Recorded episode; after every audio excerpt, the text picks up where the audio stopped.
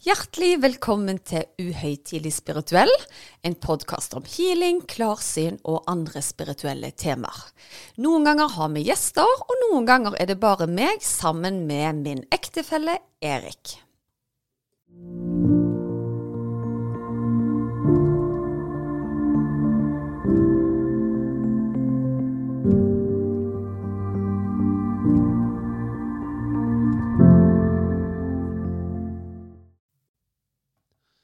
Ja, Susanne.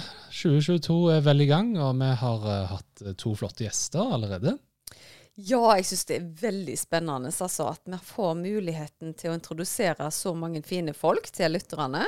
Og jeg mener jo at vi er en av de heldige som har selvfølgelig de beste lytterne, fordi de er så positive, de vil ikke til å lære. Eh, og da at folk føler seg såpass trygge at de vil på en måte dele sine tanker på akkurat vår podkast, det syns jeg er en kjempestor tillitserklæring. Mm. Og det gjør jo at vi òg føler at vi kan dele mer av oss sjøl. Ja, altså jeg føler at mine skuldre i hvert fall har blitt mye mer senka, nettopp fordi at vi får så mye fine tilbakemeldinger, da. Og at folk ønsker oss vel og sier at vi bidrar til at deres spirituelle reise bare blir mer og mer utvida, da. Ja. Eh, så, så, det gjør veldig godt. Så det er ikke mye våkenetter av bekymring for at vi skal ha sagt noe feil, foreløpig i hvert fall. Nei, men det er bra.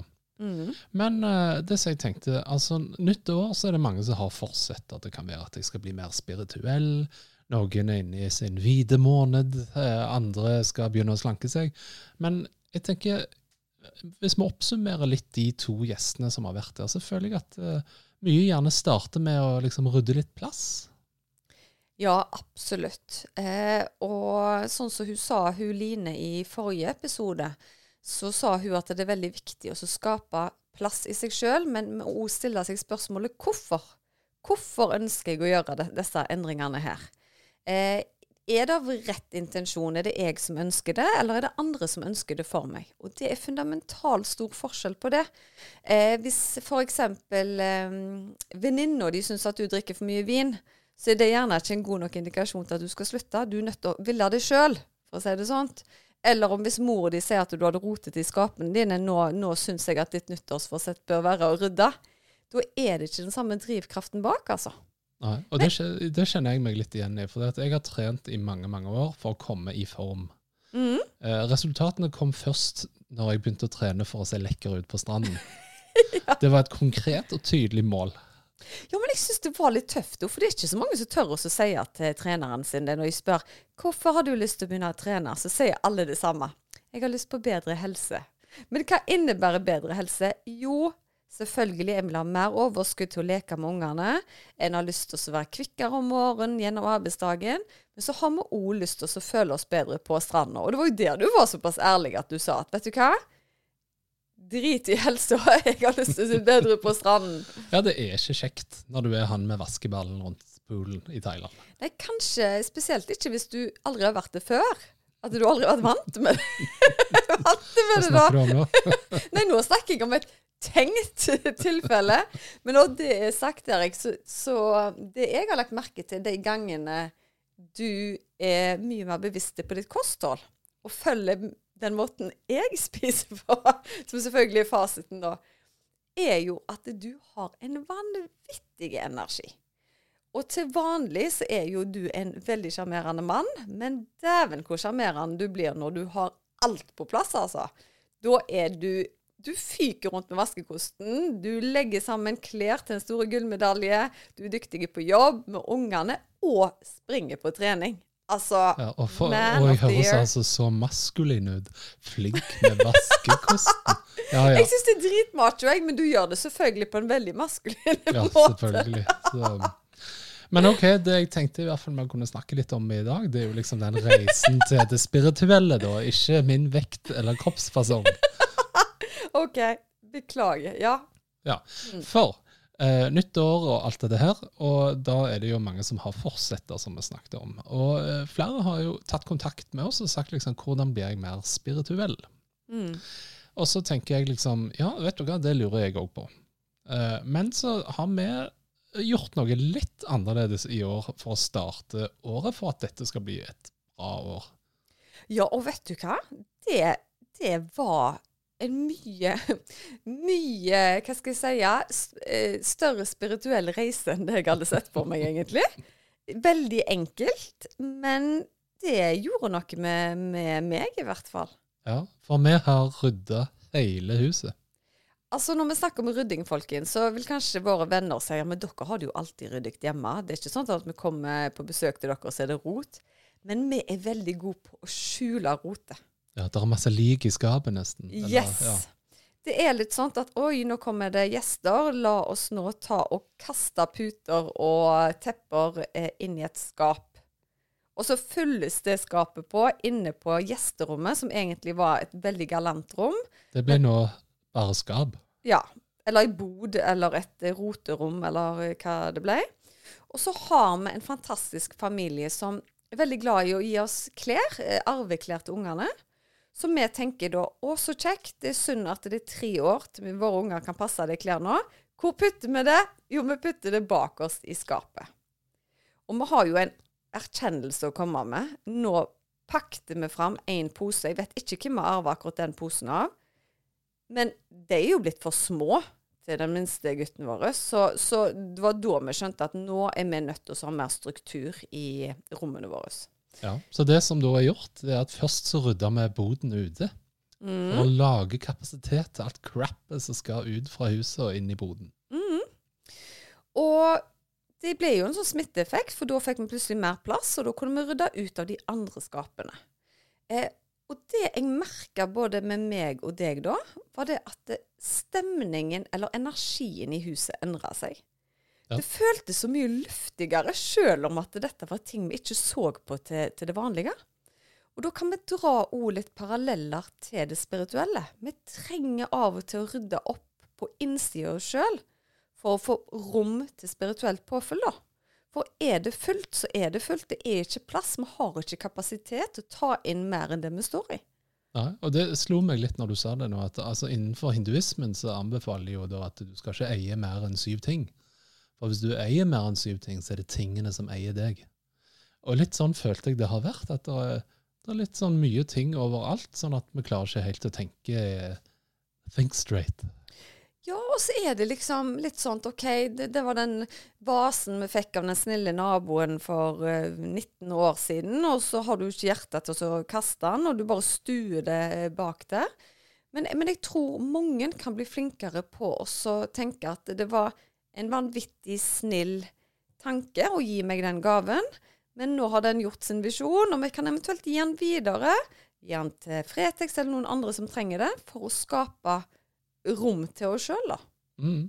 Så det vi egentlig har gjort, da altså, Vi har fysisk rydda eh, hus og skap og skuffer og alt det der. Mm. Og mens vi har rydda, så føler jeg at liksom, du får litt tid med deg sjøl, og sitter jo og tenker på all verdens andre ting enn å rydde, men det blir ryddig underveis. Så selve den ryddeprosessen Ja. er egentlig ganske helbredende, da, for å si det sånn. ja, og så dukker det opp gjerne ting som du, du ikke visste du, du savna i tillegg. Så, så det var mange overraskelser som kom fram der. Du, Nå tror folk at vi bor i det roteholdet, altså, men jeg håper vi har forklart at dette er skjult rot, folkens. Og det har mange mennesker i tillegg. Vi har veldig flotte fasader på utsida. Og du kan sikkert både se sprek ut og spirituell ut, men på innsida så er det et kaos som trenger opprydning, rett og slett. Ja. Og det er jo det gjerne jeg bidrar med som healer på mange nivåer, da. Er å bidra og hjelpe til for å rydde opp i det du ikke har ork eller lyst eller sjanse til å ta tak i sjøl, da. ja. Jeg tenker òg at det hjelper å prate om det. Så jeg hadde håpet at huset hadde rydda av seg sjøl når vi prater om det. Den skjønte jeg ikke. Nei, ikke jeg heller. Ok. Men det som jeg syns er veldig viktig her da med denne ryddeprosessen, da, det er jo at det frigjør nå tid til at nå har du på en måte gjort deg fortjent til å gjøre noe for deg sjøl, da. Absolutt. Um, og det er jo en sånn avslappende atmosfære å ta seg tid til seg sjøl når du vet at du ikke har så mye annet som ligger og murrer i bakgrunnen. da. Ja, for du uh, eh, Si hvis du skal meditere, da. Mm. As you do. Og så eh, blir det liksom sånn at uh, OK, ja, men nå skal jeg liksom nyte stunden. Og så vet du at uh, i kjøkkenskuffen flyter det, og, og du skulle tatt ut oppvaskmaskinen, så er det liksom ikke rom for det spirituelle inni der. da. Nei, jeg tror noen er nok flinkere enn andre til å ikke la seg påvirke av det. Men meg og deg er ikke noen av de personene. Så for oss i hvert fall så har det virkelig hjulpet på. Og vi har jo hatt det kjempefestlig mens vi har rydda. Det har vært egentlig en gøy prosess, men det å sette i gang var jo gørrkjedelig. Den første timen så var det jo bare åh, orker vi dette her? Men så syns jeg det var givende, altså. Har vi hatt det kjempefestlig? Jeg vet ikke helt hva planet du lever på, men det var helt greit. Da har vi gjort det. Men ok. Men det som jeg vil fram til, da, det er at nå har vi tatt et par steg. Vi har satt oss noen mål. Eh, det var å rydde, og vi har rydda. Selve prosessen var bra.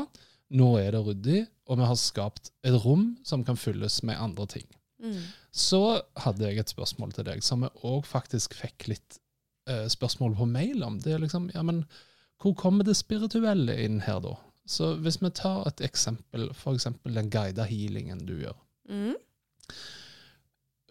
Jeg sliter litt med å få liksom Når kicker det spirituelle inn? Altså, Hva skal jeg gjøre for å på en måte få en god effekt av den guida healingen? Når vi utfører guida healing, så er første bud egentlig bare å få slappe av. Altfor mange er på autopilot eh, i hverdagen, og en får på en måte ikke sjanse til å ta tid til seg sjøl. Så det at jeg har lagt en veldig sånn kort guida healing, rett og slett for ti minutter, kan de fleste unna seg for seg sjøl. Om det er når ungene er på trening eller med iPad eller ute på noe, eller eh, mannen ser på TV, så kan du trekke deg ut i ti minutter. Eh, når det er sagt, så opplever mange at når de virkelig slapper av i den guida healingen, så kan de begynne å kjenne på noe. Det at jeg sier at de ulike guidene kommer inn, at du f.eks. får intravenøst i armen, betyr ikke at du må visualisere at dette skjer. Men det er jo litt automatikk i det. At hvis noen sier at nå kommer noen til å sette noe i armen på deg, så vil tankene dine automatisk gå der og se det for seg på sin måte, da. Og ingenting er her feil. Du kan ikke gjøre noe feil under den healingen.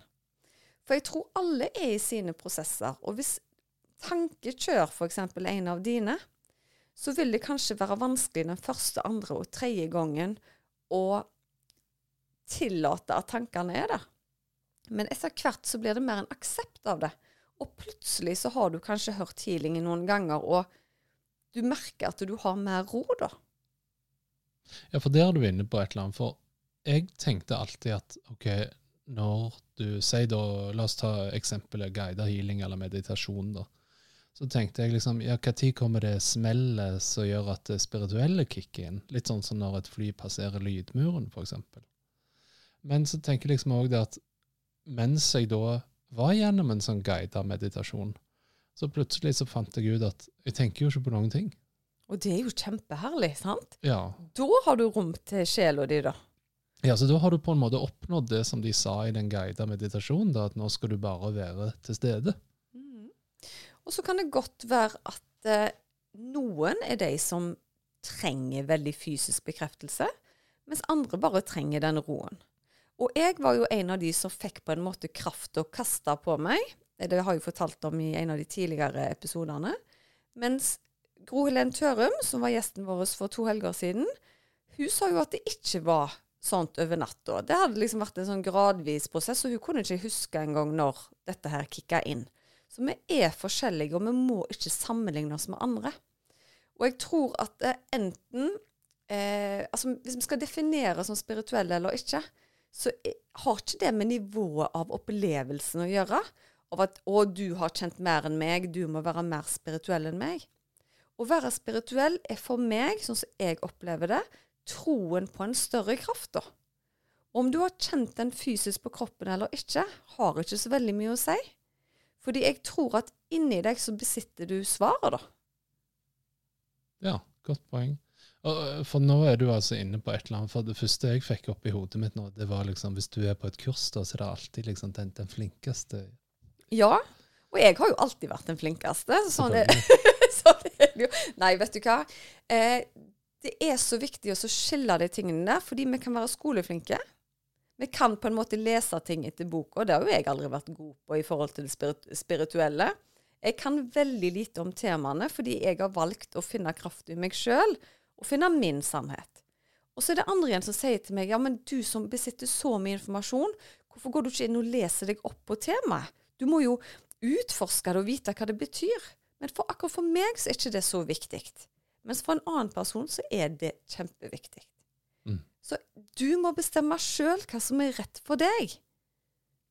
Men so far so good. Altså, Tenk deg nå tilbake til denne meditasjonen. Jeg har et stort ønske om å være spirituell.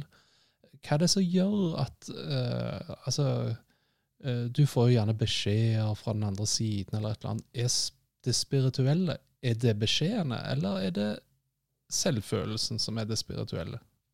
Jeg tror det er en kombinasjon der. For min del så er jo spiritualitet så mye. Altså det har jo gått ifra å være den fysiske tingene som skjedde med hendene mine, til at det ble tanker plassert i hodet mitt, til at det ble troen på at det, det var noe som var større enn meg, og som ville meg vel, og som ville hjelpe andre, da. Eh, og jeg har nok den fordelen av at det er en så stor del av meg at jeg skjønner vel ikke etter hvert hva det vil si å ikke være spirituell. Men jeg har jo venner som absolutt ikke er i de områdene i det hele tatt. Og kan veldig gjerne diskutere med meg. Ja, men Susanne, når vi dør, så er vi jo bare døde. Da ligger vi nede i jorda, fiks ferdig. Og for meg så er jo det Hva sier dere? Har dere aldri kjent på et nærvær av noen som er døde? Altså, det er jo for meg som om Hæ? Tror du ikke på havet eller natur naturen? Ja. Eh, men det betyr ikke at jeg ikke forstår det. Fordi har du aldri opplevd noe sånn, så er det jo selvfølgelig vanskelig å forholde seg til det. Men for meg, ut ifra mitt ståsted, som er i så kontakt med det, så blir det uforståelig allikevel. Men jeg klarer fint å sette meg inn i deres situasjon fra deres utgangspunkt. Ja. Det minner meg om en historie med at vi hadde gjester her hjemme en gang. Eh, hvor eh, en av gjestene var veldig tydelig på at eh, han ikke var noe spirituell eller trodde på noe et eller annet. Ut på kvelden da, så kom det jo faktisk fram at han var litt sånn betenkt hjemme hos oss fordi at han mente det spøkte her. Og plutselig så ser du jo da at ok, spirituell eller ei, men her er det noe annet som kommer opp. Det kom en X-faktor der som overraska meg litt. Grann. Ja, og han sa vel ikke at det spøkte, men han sa at det, han følte det var så mye folk rundt oss. Eh, og det er jo, det jo tilfellet. Altså, jeg har jo mange team, og eh, det sa faktisk hun Gro Helen Tørmo, at hun la ikke merke til alle som var rundt henne, og det gjør jo ikke jeg heller, for de er der jo hele veien. Så jeg tenker at en person som han fanger nok opp akkurat det. Men det at han da er eh, ateist eller ikke tror på, på eh, det alternativet, er jo litt eh, spesielt igjen, ja. Ja. Men det er jo litt der jeg bare tenker liksom sånn, si Hvis du søker etter det spirituelle, så er det jo kanskje sånne fornemmelser du gjerne søker etter. Og får gjerne bekreftelse på Oi, var den fornemmelsen da riktig? Har jeg da fått en spirituell opplevelse? Ja, men du har jo egentlig det, tenker jeg. Men så har du òg de som er veldig redde, som har lyst, men som er frykten der hele veien og holder de tilbake. Og jeg hadde en veldig fin samtale eh, med det med, med ei venninne når vi gikk tur her en dagen. At hun sier at det, det er en stor del av meg som veldig gjerne vil, men så er det òg noe som holder meg tilbake. Og det er nok frykt. Og det er litt sånn frykt for hva vil jeg se, hva vil jeg oppleve? Vil mitt syn på verden endre seg da? For det er så trygt egentlig å ikke vite. Og vi hadde en veldig fin samtale om det, og sånn som hun sa at eh, meg og deg, Susanne, vi, vi snakker jo ikke så mye om dette til, til vanlig. Vi snakker om mye andre ting, fordi jeg er veldig vanlig i mitt vanlige liv. Så hun syntes det var veldig spennende å høre på oss i denne podkasten, for da fikk hun en dypere forståelse av hva jeg faktisk jobber med, og hva jeg brenner for, da. Um, så som jeg sa til henne òg, du må ta dette i ditt tempo. For det om du er min nære venninne, så forventer ikke jeg at du skal ha samme oppfatning av det spirituelle som meg. Du skal få ta det helt i ditt tempo. Ja, stilig. Og så tenker jeg, er det litt mer det med altså eh, Vi er jo veldig opptatt av å konkurrere med hverandre. Uh, og det som slo meg når jeg sykla Nordsjørittet for mange år siden, det var jo at uh, i første bakke så skulle jeg kjøre forbi absolutt alle. For jeg skulle jo være Northug i monsterbakken. ja. Eh, og så måtte jeg få massasje for krampe rett på toppen av bakken, da. Og så Ja. suste alle forbi. Eh, men andre gang jeg sykla Nordsjørittet, da, så var det jo ikke de andre som var konkurrentene. Men det var jo min tid fra første gang. Mm. Og det var faktisk første gang jeg forsto i konkurranse eller noen ting at ok, den største konkurrenten din, det er jo deg sjøl. Og hvis du kan måle deg kun mot deg sjøl i flere settinger, da slipper du dette jaget med hva alle andre egentlig har fått til. For det at alle sine liv er jo forskjellige. Du har forskjellig utgangspunkt, du har forskjellig eh, støtteapparat rundt deg. Men det nytter jo ikke å, sjekke, eller å tenke på alle andre og lage unnskyldninger for ja, men den har det, den har det. Du må ta det ut ifra deg sjøl og din vilje og dine forutsetninger. Ja, og stikkordet er, her er, og det gjelder både spiritualitet eh, og, og andre ting, er dette med forventninger. Vi må skru ned forventningene, for din spirituelle opplevelse kan ikke måles med noen andre sine. Så hvis din spirituelle opplevelse er at du går ifra å slappe av på en healing, til at du faktisk kjenner at det kribler litt under tærne For meg så er kanskje det ingenting. Men kribler under tærne, og det gjør det jo hver dag, eh, to ganger i timen. Eh, men for deg så kan det være på en måte en åpning til noe nytt, da. Og tenk så gøy det er da neste gang, hvis du kjenner at det herlighet jobber jo enda lenger i, i kroppen her. Det er noe utenfor mitt energifelt som forandrer temperaturen, eller Så gikk ned forventningene til et minimum. Nå skal jeg bare gi meg litt tid til meg sjøl, og at kroppen min, sjela mi og sinnet mitt skal få lande. Og så skal vi ha tillit til at eh, kraften jobber der den skal, da. Og at ting skjer til den tiden den skal. Ja, Det syns jeg høres fornuftig ut. Altså, Ta et trinn opp av trappen, og skap på en måte mestringsfølelse der, da. Ja. Og trygghet. Ikke bry deg om den som står på toppen av trappen og har hatt en annen reise. Nei. Altså, jeg hadde eksempel eh, mor mi. Hun, eh, hun ringte og sa at vet du hva, nå er det så mange som har hørt på den guida healingen din, og den, de har jo fantastiske opplevelser. Eh, og så hørte jeg at hun nølte seg. 'Å ja, du da, du, hvordan hadde du det?' Så hun ville sikkert ikke såre meg. Hun bare 'Jo da, jeg slapp det jo godt da, men jeg kjente liksom ikke noe sånn spesielt'. Så sier jeg 'Men vet du hva, mamma, nå skal jeg høre på den mens du hører på den', og så skal jeg koble deg opp mot den krafta. Og så kan vi se hva som skjer da. Og kanskje bare slapper du av, eller kanskje så, så kjenner du noe annet da. Og vi legger på telefonen, og hun hører den en gang til.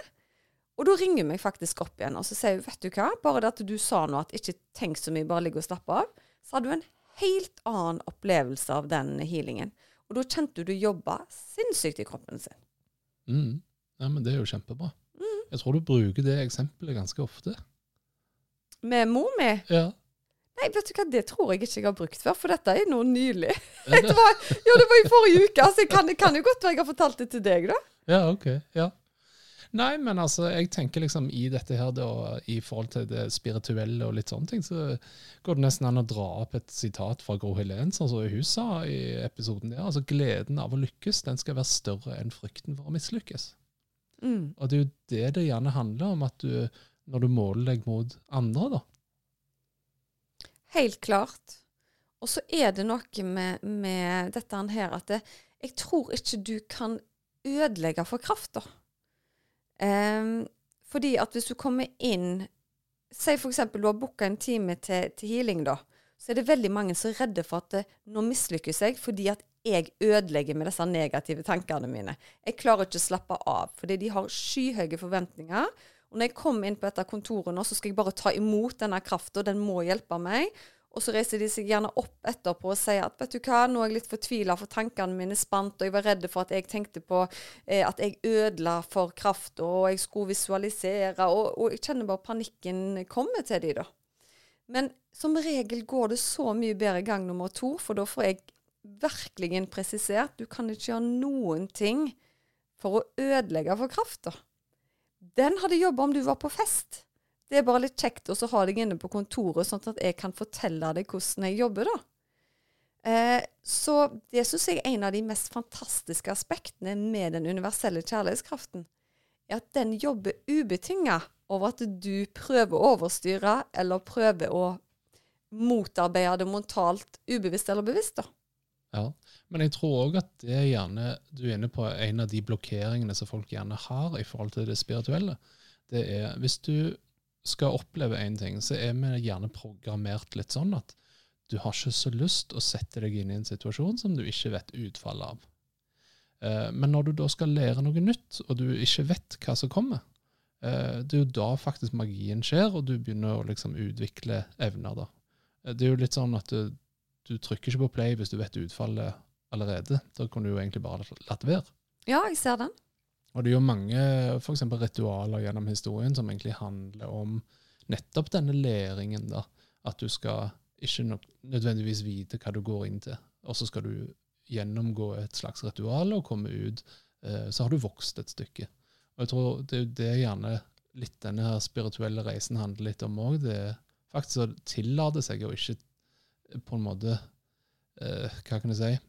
Altså, du må tillate at, at tankene skal flyte litt. Mm. Og så er det jo mange da som blir veldig redde tankene sine. Og jeg jeg har jo fortalt litt om mine egne tanker tidligere med tanke på hva du tiltrekker deg, bl.a.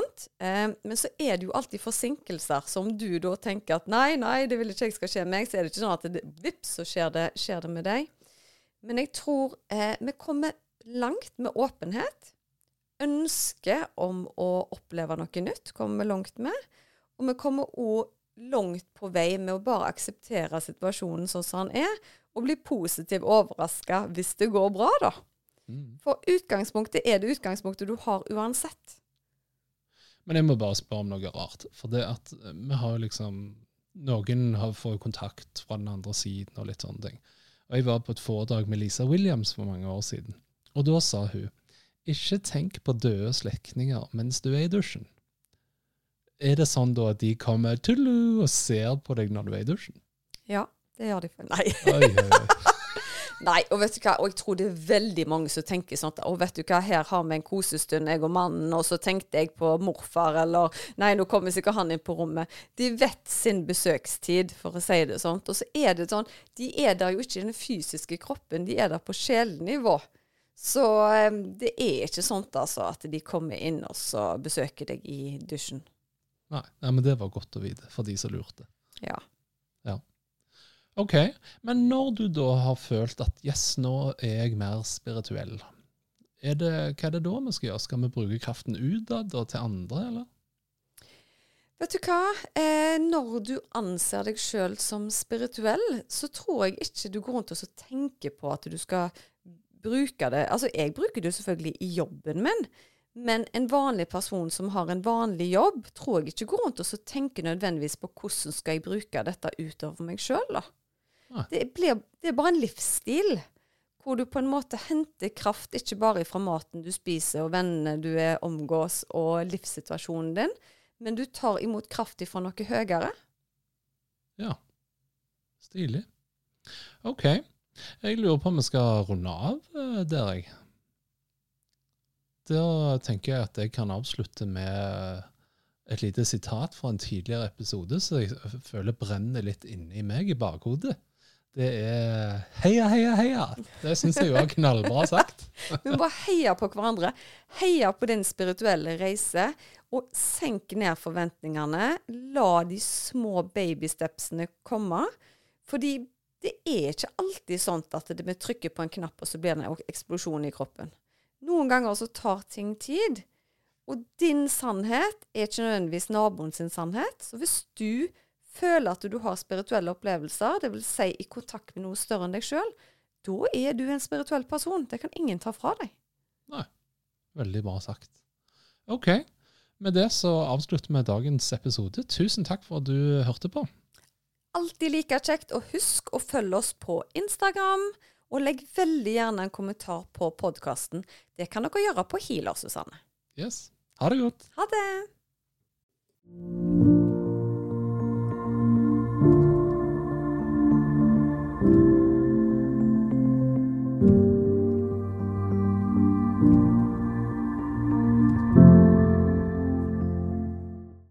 Visste du at du kunne ta kontakt med meg hvis du ønsker å få satt opp en personlig healingplan? Da er det bare å kontakte meg via Instagram eller på e-post, så gjør jeg det helt kostnadsfritt. Da er det mye lettere å vite hvilken healing du skal velge, til hva tid du skal bruke den, og for hvor mange uker du bør benytte deg av dem. Gå inn på healersusanne.com.